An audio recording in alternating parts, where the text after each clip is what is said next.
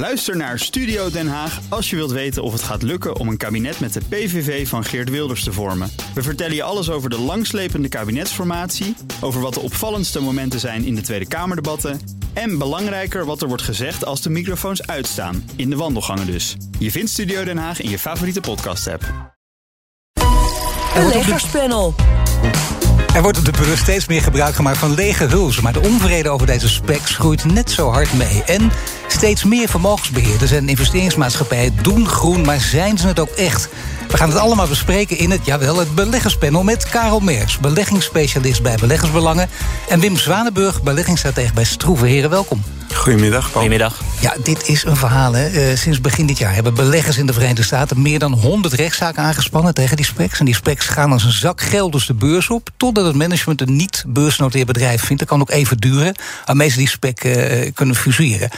En dan komen er heel veel rechtszaken. En meestal gaat het erom dat er een fusie is geweest van de spec met een bedrijf waar beleggers niet achter staan of waarvan beleggers zelfs zeggen dat ze misleid zijn.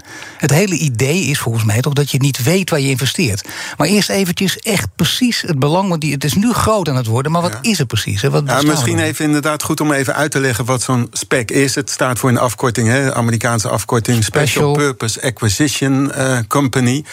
Uh, wat er wordt uh, gedaan is dat eigenlijk de reguliere beursintroductieregels een beetje worden omzeild. Een beetje. in Amerika noemen ze dat IPO's, Initial Public Offering, beursemissie. Dat gaat altijd gepaard met uitgebreide roadshows, met voorlichting aan beleggers. Het is allemaal tijdrovend. Je moet ook voldoen aan de regels van bijvoorbeeld de beurs waar komt toezichthouder SEC. Maar het kan net, hè? En wat ze nu doen, is dat ze zeg maar een, een, een kleine BV zeg maar, uh, optuigen als een spec, als zo'n uh, acquisitievehikel. En uh, die doet een emissie, krijgt daarmee geld van, nou ja, van investeerders, van ook beleggingsfondsen, maar ook van pensioenfondsen en andere geïnteresseerden. En dan gaat de initiatiefnemer, dat heet, die heet dan de sponsor, gaat op zoek naar een acquisitiekandidaat en kan daarmee dan met die geldzak een mooie overname doen. Doe toch herinneringen oproepen aan de ingewikkelde constructies van 2000 2007, 2008. Het is een beetje toch wel uh, inderdaad ook een, uh, een, een beursuitwas, een, uh, een, een hype. Sinds de coronacrisis laten de beurzen dus fors herstel zien. We zien ook dat die emissiemarkt weer, weer goed loopt. En sommige ja, investeerders willen wat sneller kunnen toeslaan. En ja, die maken daarbij gebruik zeg maar, van, laat ik zeggen, de mazen in de regelgeving. En via de specs kunnen ze de ingewikkelde roadshows en andere eh, zeg maar procedures van zo'n beursintroductie een beetje omzeilen.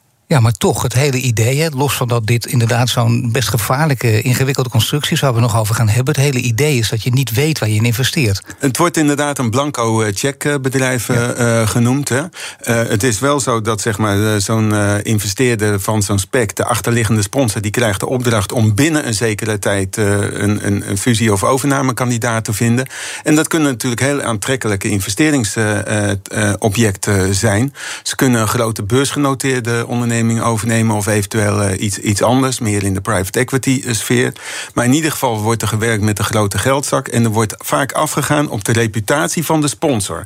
Dat is een financier, een investmentbanker of een uh, ja. tycoon, een magnaat, zeg maar, die in het verleden zijn spoor heeft verdiend. Eigenlijk extra nou, opletten als je zo'n naam ziet. Ik zou zeggen van doe het niet, want je weet inderdaad niet helemaal waar je, waar je in gaat beleggen. Wij beleggen eigenlijk voornamelijk toch ofwel uh, indirect via beleggingsfondsen of uh, uh, indexmandjes of indirecte ja. compagnieën aandelen. Maar dan willen we echt weten wat de business models zijn, wat de ja, vooruitzichten zijn. Karel, wat denk je?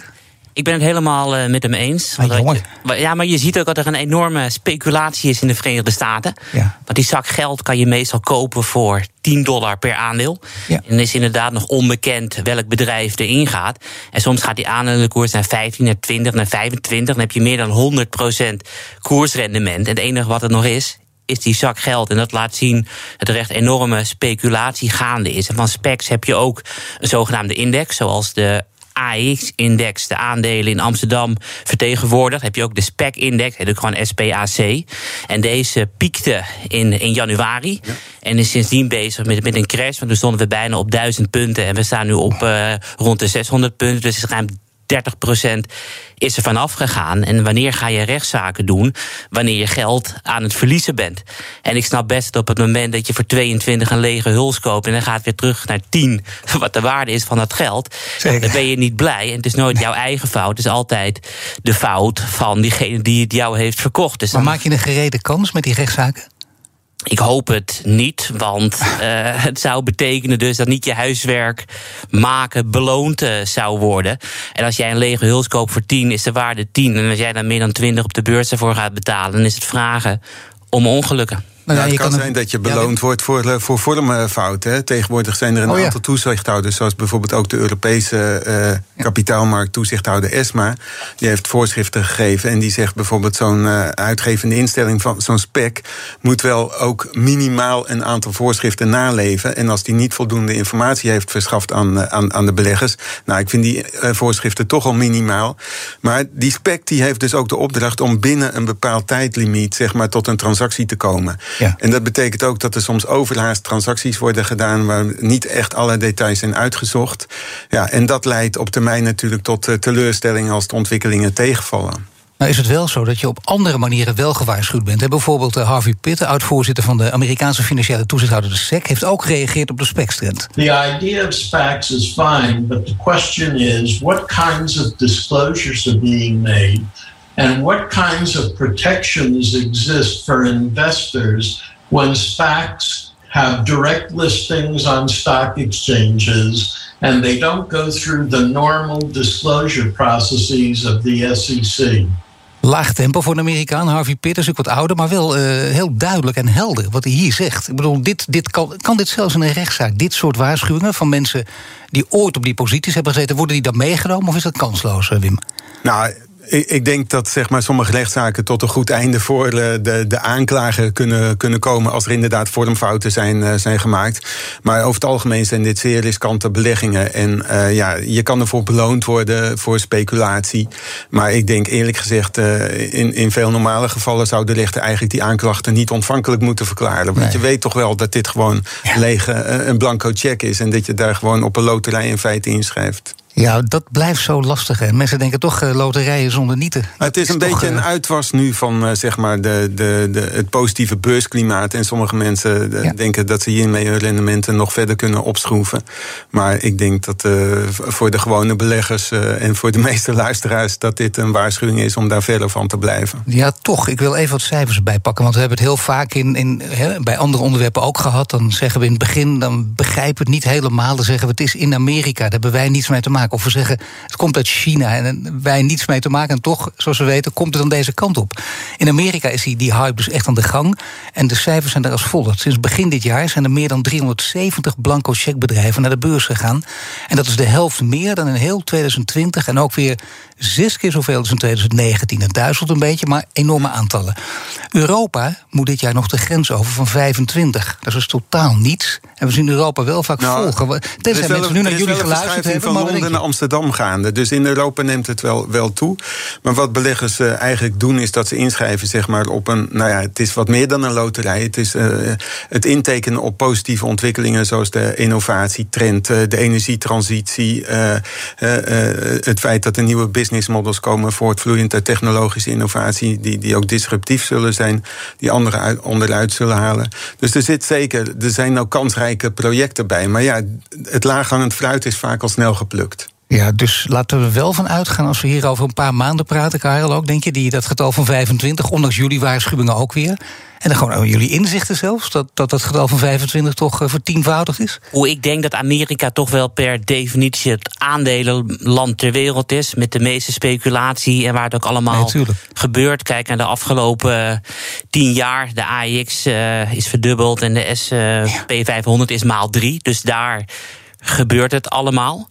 En we hebben een van de positiefste beursklimaten ooit na een Amerikaanse recessie. We staan op plus 98 procent. Ja. En ter vergelijking, we dachten al dat we heel snel uit de mondiale financiële crisis kwamen. Toen duurde het 2,5 jaar voordat de aandelenmarkt verdubbelde. En beleggers willen graag dingen kopen waarvan ze een jaar geleden hadden gehoopt dat ze dat gekocht hadden. Ja, dus hoe, natuurlijk. hoe harder het omhoog gaat, hoe meer speculatie er is. Maar wat ik al vijf minuutjes geleden zei, ik bedoel, die spec-index is alleen maar aan het dalen. En als iets speculatie indampt, dan zijn het dalende koersen. Ja, dat zei je vijf minuten geleden, maar ik was weer vergeten. hoor. Het is goed dat je het even herhaalt. En, eh, en dan heb je nog een Nederlands bedrijf, Allego, hè, dat door middel van specs naar Wall Street gaat. Dat, dat staat bijna dan haaks op dit verhaal, of niet? Of is dat juist niet het laaghangende fruit, Wim? En begrijp je dit wel? Nee, kijk, dat- is een bedrijf. Ik, ik- ik meen de- dat dit een, eh, een beursintroductie van vorige week was. Hè, wat eh, in, in laadpalen in, eh, zeg maar, investeert. En dit zijn natuurlijk projecten die op dit moment nog geen winst maken. maar wel op termijn bijzonder kansrijk zijn. met een behoorlijke omzettoename. dus ik vind dit eigenlijk weer een, een, een stap verder dan, dan, dan die specs. Dit is een, eigenlijk een gewone IPO. Waarvan Nederlandse bedrijven steeds vaker ook zeg maar, de route van New York, van Wall Street via de Nasdaq of, of de beurs kiezen. Want wat eh, Karel ook al eh, zei, in Amerika is de markt gewoon veel breder. Is er ook sprake van een meer eh, zeg maar, risico-minded beursklimaat. Ja, ze Dus willen een hoge koers-winstverhouding betalen. Maar wat ik altijd wel weer een mooi voorbeeld vind. Wij denken dat takeaway in Nederland hoog gewaardeerd is. Maar als je dan vergelijkt met de Amerikaanse concurrent DoorDash, dan is het een, een factor 4 daarvan. En als jij naar een markt gaat Ja. waarbij ze hogere waarderingen willen betalen, dan betekent dus dat je meer kapitaal kan ophalen. Het kapitaal kan inzetten om, om te groeien. Dus je ziet ook wel dat Amerikaanse bedrijven door die hoge waardering domineren. Dus ik vind het niet eens zo vreemd om die markt als bedrijf op te zoeken. Stel nu dat je toch wil instappen, hè, ondanks de waarschuwing die jullie in het begin gaven. Je wilt toch instappen bij een spec. Want je denkt, nou nee, wat ze zeggen snap ik wel, maar ik zie toch kleine kansen. Juist als anderen ze niet zien. Waar moet je vooral op letten, Wim? Ja, Of gewoon niet doen, echt niet doen. Nou, ik, ik zou het echt niet, niet doen. Eh, soms eh, heb ik ook wel bewondering voor bepaalde tycoons en investeerders. eh, een goede, ge- goede reputatie enzovoort. Maar ik wil eigenlijk altijd weten wat het businessmodel is. En wat de vooruitzichten zijn. En wat ook een beetje de waardering is waarvoor ik betaal. En mijn belangrijkste les is, op, voor, stel ook geldt voor aandelen, ga altijd naar de risicoparagraaf. Lees daar door, want daar geven bedrijven zelf de grootste risico's aan. Zaken doen. We zitten midden in het beleggerspanel. Vandaag met Karel Merks, beleggingsspecialist bij Beleggersbelangen. En Wim Zwanenburg, beleggingsstratege bij Stroeven. Cijferseizoen in volle gang. Vandaag is DSM met zijn kwartaalcijfers gekomen. Gisteren presenteerde ook Heineken de nieuwe cijfers. Eh, wat is jullie opgevallen, Wim? Nou, over het algemeen dat de verwachtingen hoog waren opgeschroefd, maar dat de resultaten zelfs nog beter zijn en de eh, ruime verwachtingen overtreffen. Dat zien we in Amerika, dat zien we ook in, in Europa. In Amerika is het echt heel sterk. We hebben, dat een- is het beleggersjargon, het piek van het earningsmomentum. Als we nu de kwartaalresultaten met die van een jaar geleden vergelijken. Een tweede kwartaal vorig jaar, hè, toen zaten we natuurlijk al wereldwijd en ook in de VS in die lockdown. En nu zie je een winsttoename, als je kijkt naar de winst per aandeel, van zo'n 80 à 90 procent. Ja. En dat is natuurlijk ook door analisten en door positieve prognose. En ook door eh, de, de afgifte van prognoses door de ondernemingen zelf. Ja. eh, afgelopen maanden al omhoog geschroefd. En de maatregelen van corona, antimaatregelen, zijn allemaal wat versoepeld.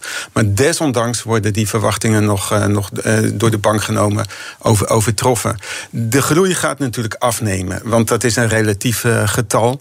Maar we zien wel dat de groei aanhoudt de rest van het, eh, van het jaar. En eigenlijk zijn we deze coronacrisis, eh, wereldwijd de economie, toch goed eh, doorgekomen. Het is per land en per regio natuurlijk heel verschillend. Als we kijken nu naar Azië, daar eh, tiert eh, de coronavirus nog, eh, nog welig met Ja. de nieuwe varianten. We zijn daar in Europa en Amerika ook wel bang voor, maar we hebben het toch redelijk beheerst. En eh, de economie gaat toch wel steeds meer open. En mede dankzij natuurlijk steunmaatregelen, maar ook dankzij de fundamentele ontwikkelingen. Ik sprak vanochtend, ik Ondernemers sprak in- eh, een uurtje eerder met Kees Verkooyd. Ik of je gehoord, die, zegt, die zegt het tij keert. Hè? Dus ik bedoel, dat is Ja, precies eigenlijk wat jij zegt. Het zit op dezelfde lijn, maar net iets... Nee, ik, ik, ik verschil toch wezenlijk van, eh, Oh, wezenlijk? van, van Kees. Nee? Kees die denkt altijd, zeg maar, als, als het tij keert... dat het daarna echt ook eh, permanent onheil wordt. En zo zit ik niet in elkaar.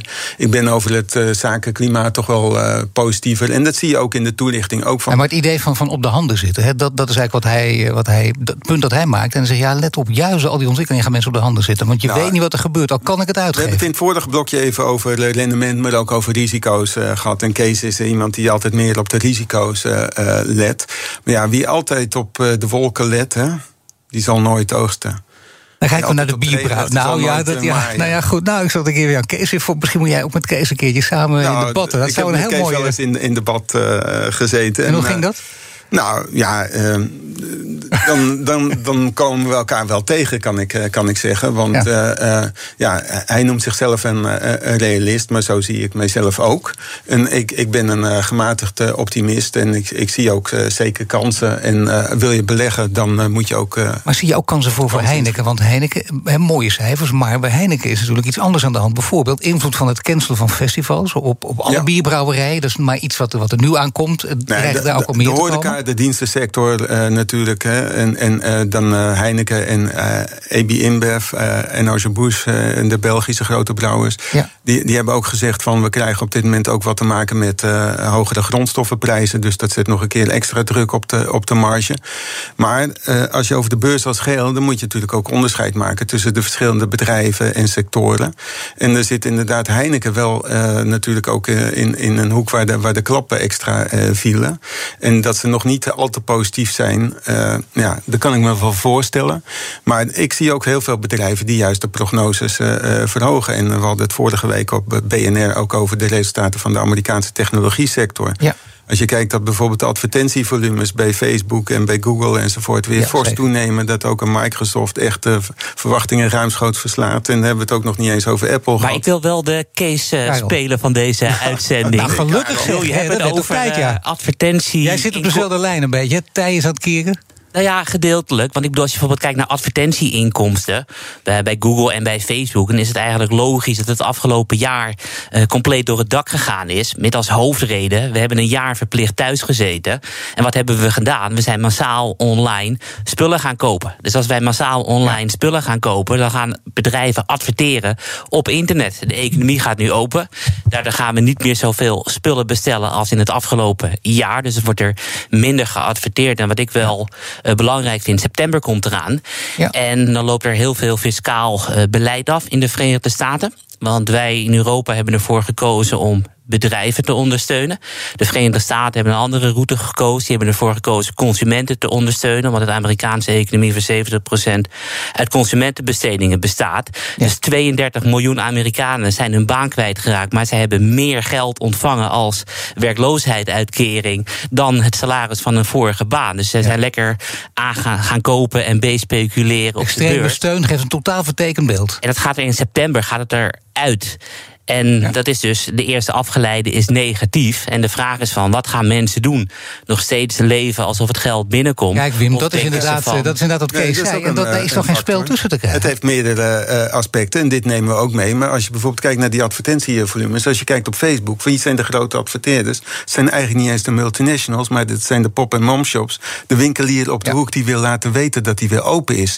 Dus zelfs als de eh, economie open gaat en we ook weer echt gaan funshoppen en winkelen, enkele.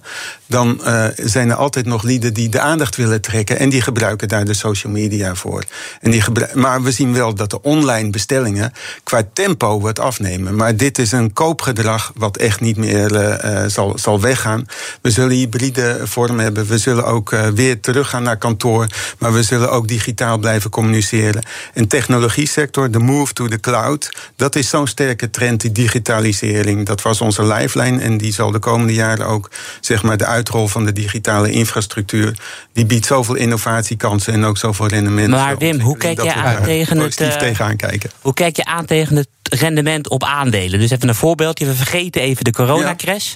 We gaan kijken vanaf 1 januari 2020, toen er nog helemaal niets aan de hand Ja. was. De beurs staat sindsdien tientallen, tientallen procenten hoger. Ook de S&P 500 misschien zelfs nog wel meer dan dat. Als je dan kijkt naar de afgelopen 200 jaar... dan blijkt er gemiddeld 7% rendement op aandelen te behalen.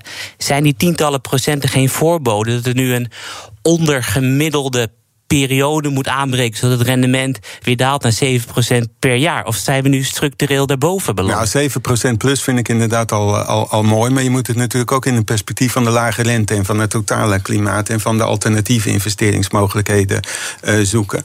En we hadden het ook al even over die transitiefase waarin we zitten: hè, innovatie, energietransitie enzovoort. En dat biedt ook juist eh, uitstekende kansen op bovengemiddelde rendementen, ook in historische zin. En mag ik in Als deze je ook zin inderdaad even- maar op de juiste manier voorsorteert en de juiste sectoren selecteert. Ja, nu je toch daarover begint, over de energietransitie en over duurzaamheid. laten we het ook even over Shell gaan hebben. Hele mooie cijfers natuurlijk ook. En een van de belangrijkste olievelden in de VS gaan ze ook wegdoen. Hoe, hoe moet je dat? Heeft dat iets in de verte ook met die agendazaak te maken, denk je? Of gaat ja, natuurlijk. Want Shell wil zijn beste beentje voorzetten en ze willen een totale productmix laten zien waarmee ze meer op gas en meer op wind en alternatieve vormen van energieopwekkingen gaan inzetten. Maar ik vind het eerlijk gezegd een soort uh, gedwongen verkoop. En Amerikaanse investeerders en andere oliemaatschappijen die, uh, die azen zeg maar, op deze, deze prooi.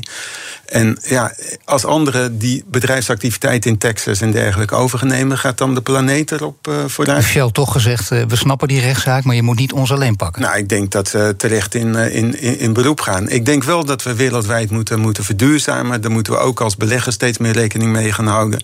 het is goed dat. Larry Fink doet dat toch ook? Ja, maar dat we daarmee zeg maar uh, zo hypocriet zijn dat we zeggen... Uh, we zullen binnen vijf à tien jaar alle fossiele vormen van energiegebruik uh, totaal stoppen. Dat is denk ik irreëel helemaal mee eens. En het gaat misschien wel allemaal te snel wereldwijd, die verduurzaming. Want het is de, de eerste keer dat we naar een nieuwe energievorm overgaan die minder efficiënt is dan de vorige.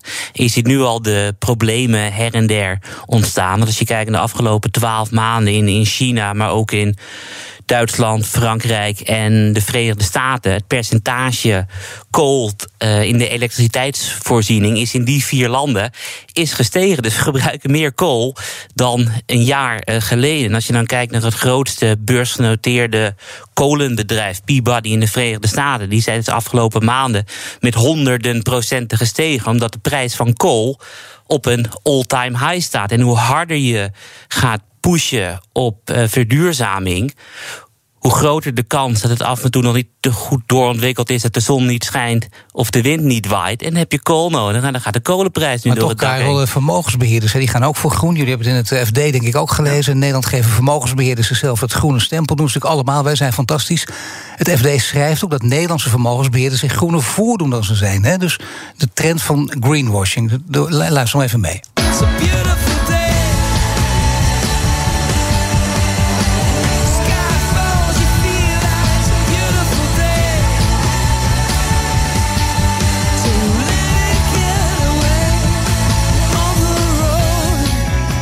Ja, het is echt serieus. BNN Nieuwsradio en uh, zaken doen. En uh, even muziek, want het is U2, Bono. En uh, waarom halen we Bono erbij? Een van de initiatiefnemers van het Groot Klimaatfonds. Hij heeft de Amerikaanse oud-minister van Financiën Henk Paulsen gevraagd... om leiding te geven aan het nieuwe klimaatfonds van investeringsbedrijf TPG. Ja, dat zijn initiatieven in die richting. Dus ja, dan, dan kun je dat bijna toch niet stoppen, hè, waar je het over hebt. Nee, het is ook hartstikke goed. En we moeten de aarde ook, ook redden. Het enige waar ik dan op wijs zijn die excessen. Want ik bedoel, de olieprijs, de Brent, Noordzeeolie... gaat ook alweer richting de 80. En die prijs hebben we ook in de afgelopen jaren uh, niet gezien. Volgens mij was het 2018, 2017 voordat we daar waren. En de enige reden dat fossiele brandstoffen stijgen als kolen en olie is omdat de vraag daarnaar toeneemt. Maar uiteraard ben ik het met je eens, Paul. We moeten gewoon uh, verduurzamen. Uh, maar wel op een manier dat werkt. En niet dat, zoals gisteren bekend werd in China, dat ze een contract hebben gesloten met Mongolië om 38 open pit koolvelden te gaan Nee, dat is al de verhaal. Maar Wim Zanenburg, heel kort nog even private equity. Heb je dan wel nodig of niet in die trend naar verduurzaming? Nou, ook, ook investeringsobjecten die niet beursgenoteerd zijn, uh, moeten zich natuurlijk naar meer duurzaamheid uh, gaan, gaan richten. Maar ik heb het liever over impact en klimaatfondsen zijn misschien ook nog wel positief. Maar we zien ook inderdaad dat uh, greenwashing wat je aan de, aan de kaak stellen. Ja. sommigen doen zich groener voor dan ze daadwerkelijk zijn. Maar we zitten nog in een transitiefase. Het gaat de goede kant op, maar we kunnen niet direct afscheid nemen van alle vormen van fossiele energiegebruik, om maar eens wat te noemen. Oké, okay, heer, hartelijk dank. Karel Merks, beleggingsspecialist bij Beleggers en Wim Zanenburg, beleggingsspecialist bij Stroeven. En straks ga ik in gesprek met Samira Damani van de Couscous Bar en de Reload Club. Ze is geïnspireerd om te gaan ondernemen na de financiële crisis van 2008. Ook Harm Edens vind je in de BNR-app. Je kunt BNR Duurzaam niet alleen live luisteren in de app, maar ook terugluisteren als podcast, zoals al onze podcasts.